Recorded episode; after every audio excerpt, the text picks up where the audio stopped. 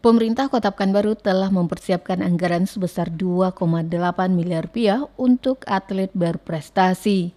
Anggaran ini disiapkan untuk sejumlah event olahraga seperti Pekan Olahraga Pelajar Daerah, Pekan Olahraga Provinsi, dan juga untuk Nasional Paralimpik Komite. Kadispora Pekanbaru Ali Kurniawan menjelaskan saat ini proses pencarian bonus masih berlangsung sesuai dengan aturan atau mekanisme keuangan.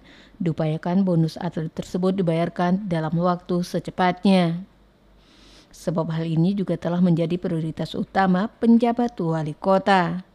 Lebih jauh, Alek juga memastikan untuk yang diberi bonus bukan hanya atlet yang telah mendapatkan medali emas, namun juga yang mendapatkan perunggu ataupun perak, semua akan diberikan bonus.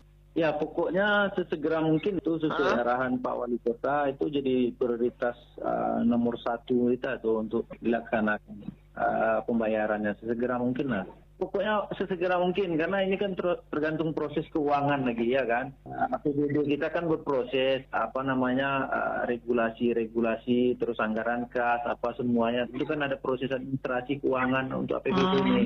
2,8 miliar itu terdiri dari bonus atlet uh, Popda udah tuh Porprov sama NPC Desi Suryani itu meliputan Barabas melaporkan.